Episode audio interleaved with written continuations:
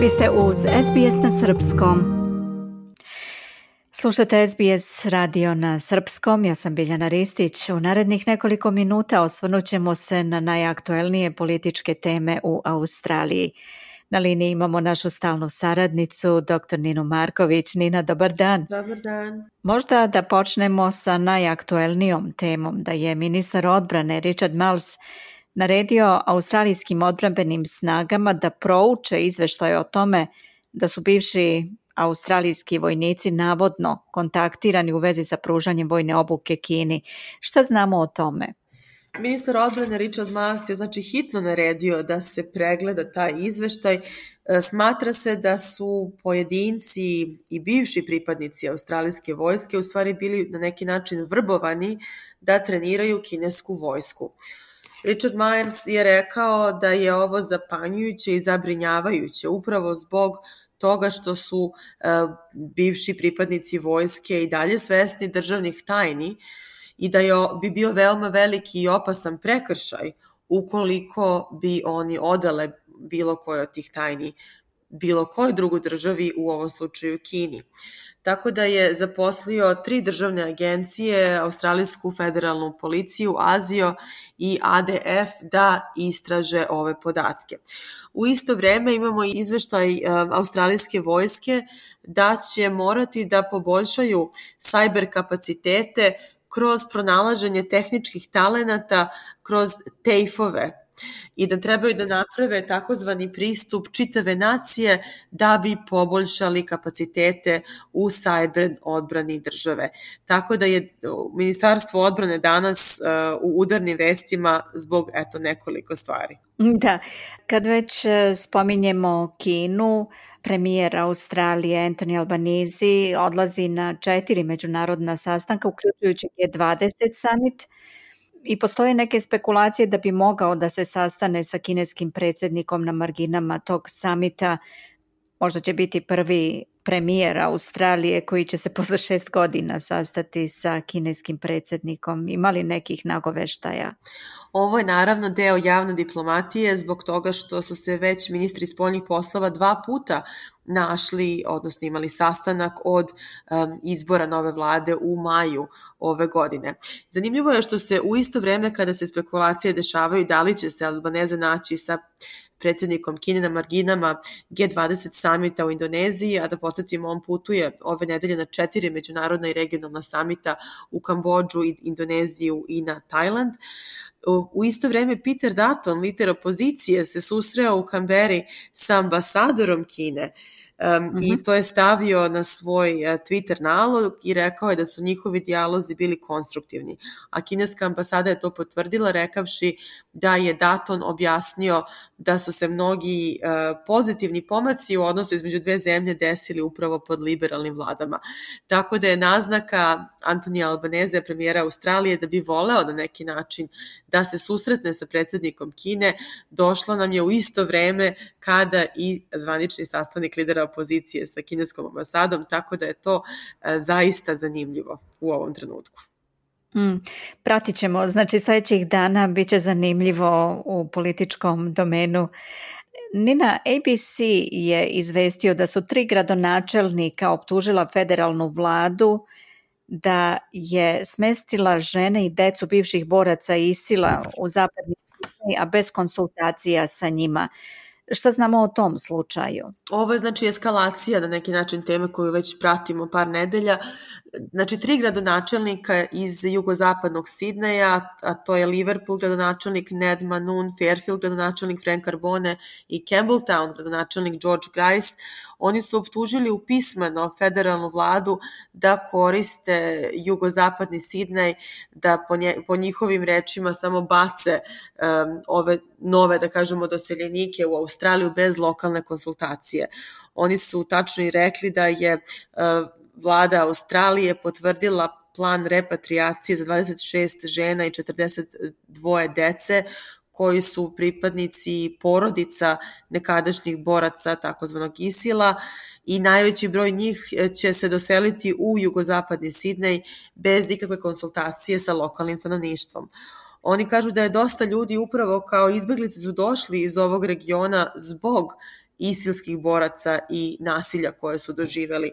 Tako da sedam godina kasnije da žive među ljudima koji su pripadnici porodica istih tih ljudi je nečuveno i ovi gradonačelnici ne žele u stvari ovakav način repatriacije bez konsultacije. Prvi deo ove grupe je već stigao u Sidney 29. oktobra, znači pre desetak dana. E, to, je, to je bilo čet, četiri žene i 13 dece koji su napustili e, kamp e, Rođ u Siriji i došli su preko granice u Irak pre nego što su došli avionom nazad u Australiju. Uh, Takođe, nezavisna članica parlamenta Dai Li je rekla da su repatriacije bolne za hrišćanske izbeglice u njenom elektoratu Fowler, da takođe živi dosta e, pripadnika srpske zajednice. Ona kaže da su posebno pripadnici asirske zajednice bili meta isilskih boraca, tako da ona je izjavila da su pripadnici znači njene izborne jedinice zaista ogorčene. Međutim, e, ministarka za unutrašnje poslove Claire O'Neill kaže da je ovo ipak u nacionalnoj bezbednosti, da je njihov rizik e, da se ostave u Siriji bio veći.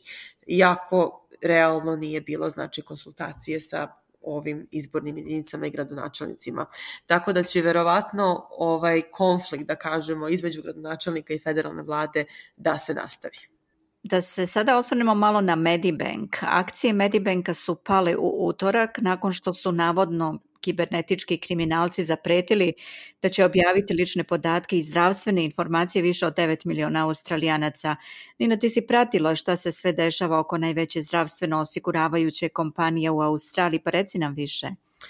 Da podsjetimo, 9,7 miliona mušterija je u pitanju čije su podaci uh, ukradeni, tiče se čak 500.000 ta, tačnih procedura. Znamo da je i premijer Australije Antoni Albanese bio jedan od mušterija Medibank uh, zdravstvenog osiguranja. Glavni uh, ovog osiguranja, Vid Kočkar, se javno izvinio svim korisnicima Medibank Private, ali je rekao da oni su odbili da plate otkupninu koju su zahtevali u stvari kibernetički kriminalci, dok Australijska federalna policija vodi kriminalnu istragu. Znamo da su deonice e, pale čak 2,5% nakon što su kibernetički kriminalci počeli da prodaju u stvari lične podatke na takozvanoj tamnoj mreži.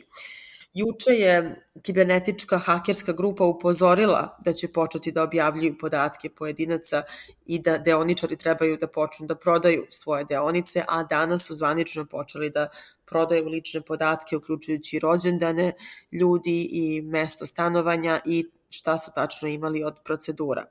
Imamo izveštaja eksperta za kibernetičku bezbednost Nigela Ferresa UNE Zabalju fakulteta koji smatra da se Medibank odgovorno poneo. Međutim, ljudi su potpuno ogorčeni, tako da su već unajmili dve pravne firme, Bannister Law i Centennial Lawyers, koji spremaju tužbe i traže veliku nadoknadu. Ministarka za unutrašnje poslove Claire O'Neill kaže da ne, australijska politika je da ne plaćaju kriminalcima preko interneta. Međutim, ljudi su potpuno ogorčeni i već su neki počeli da gube novac jer su kriminalci počeli da njima uzimaju novac sa njihovih računa. Tako da je za sada poruka vlade da svi pomno plate svoje račune. Međutim, utorak je saslušan komisionar Australijske federalne policije Chris Kershaw pred Senatskim komitetom i oni su potvrdili da je američka agencija FBI sada umešana u ovaj slučaj, pomažu Australijskoj federalnoj policiji. Tako da je definitivno ovo veliki udar za sve nedužne žrtve uh, ovog velikog hakerskog napada i nečuveno je što su lični podaci australijskih građana sada u ovom trenutku već na prodaji preko takozvanog tamnog interneta, što je zaista strašno i zabrinjavajuće. Apsolutno. I na kraju da završimo jednom malo neobičnom temom, ali je zanimljiva. Prvi 3D pešački prelazi su postavljeni u Novom Južnom Velsu, da kažemo nešto i o tome. Oni su postavljeni u Benliju i baš su juče krenuli u opticaj, tiče se tri 3D pešačka prelaza. Znamo da su do sada oni upotrebljeni u Queenslandu i u Viktoriji.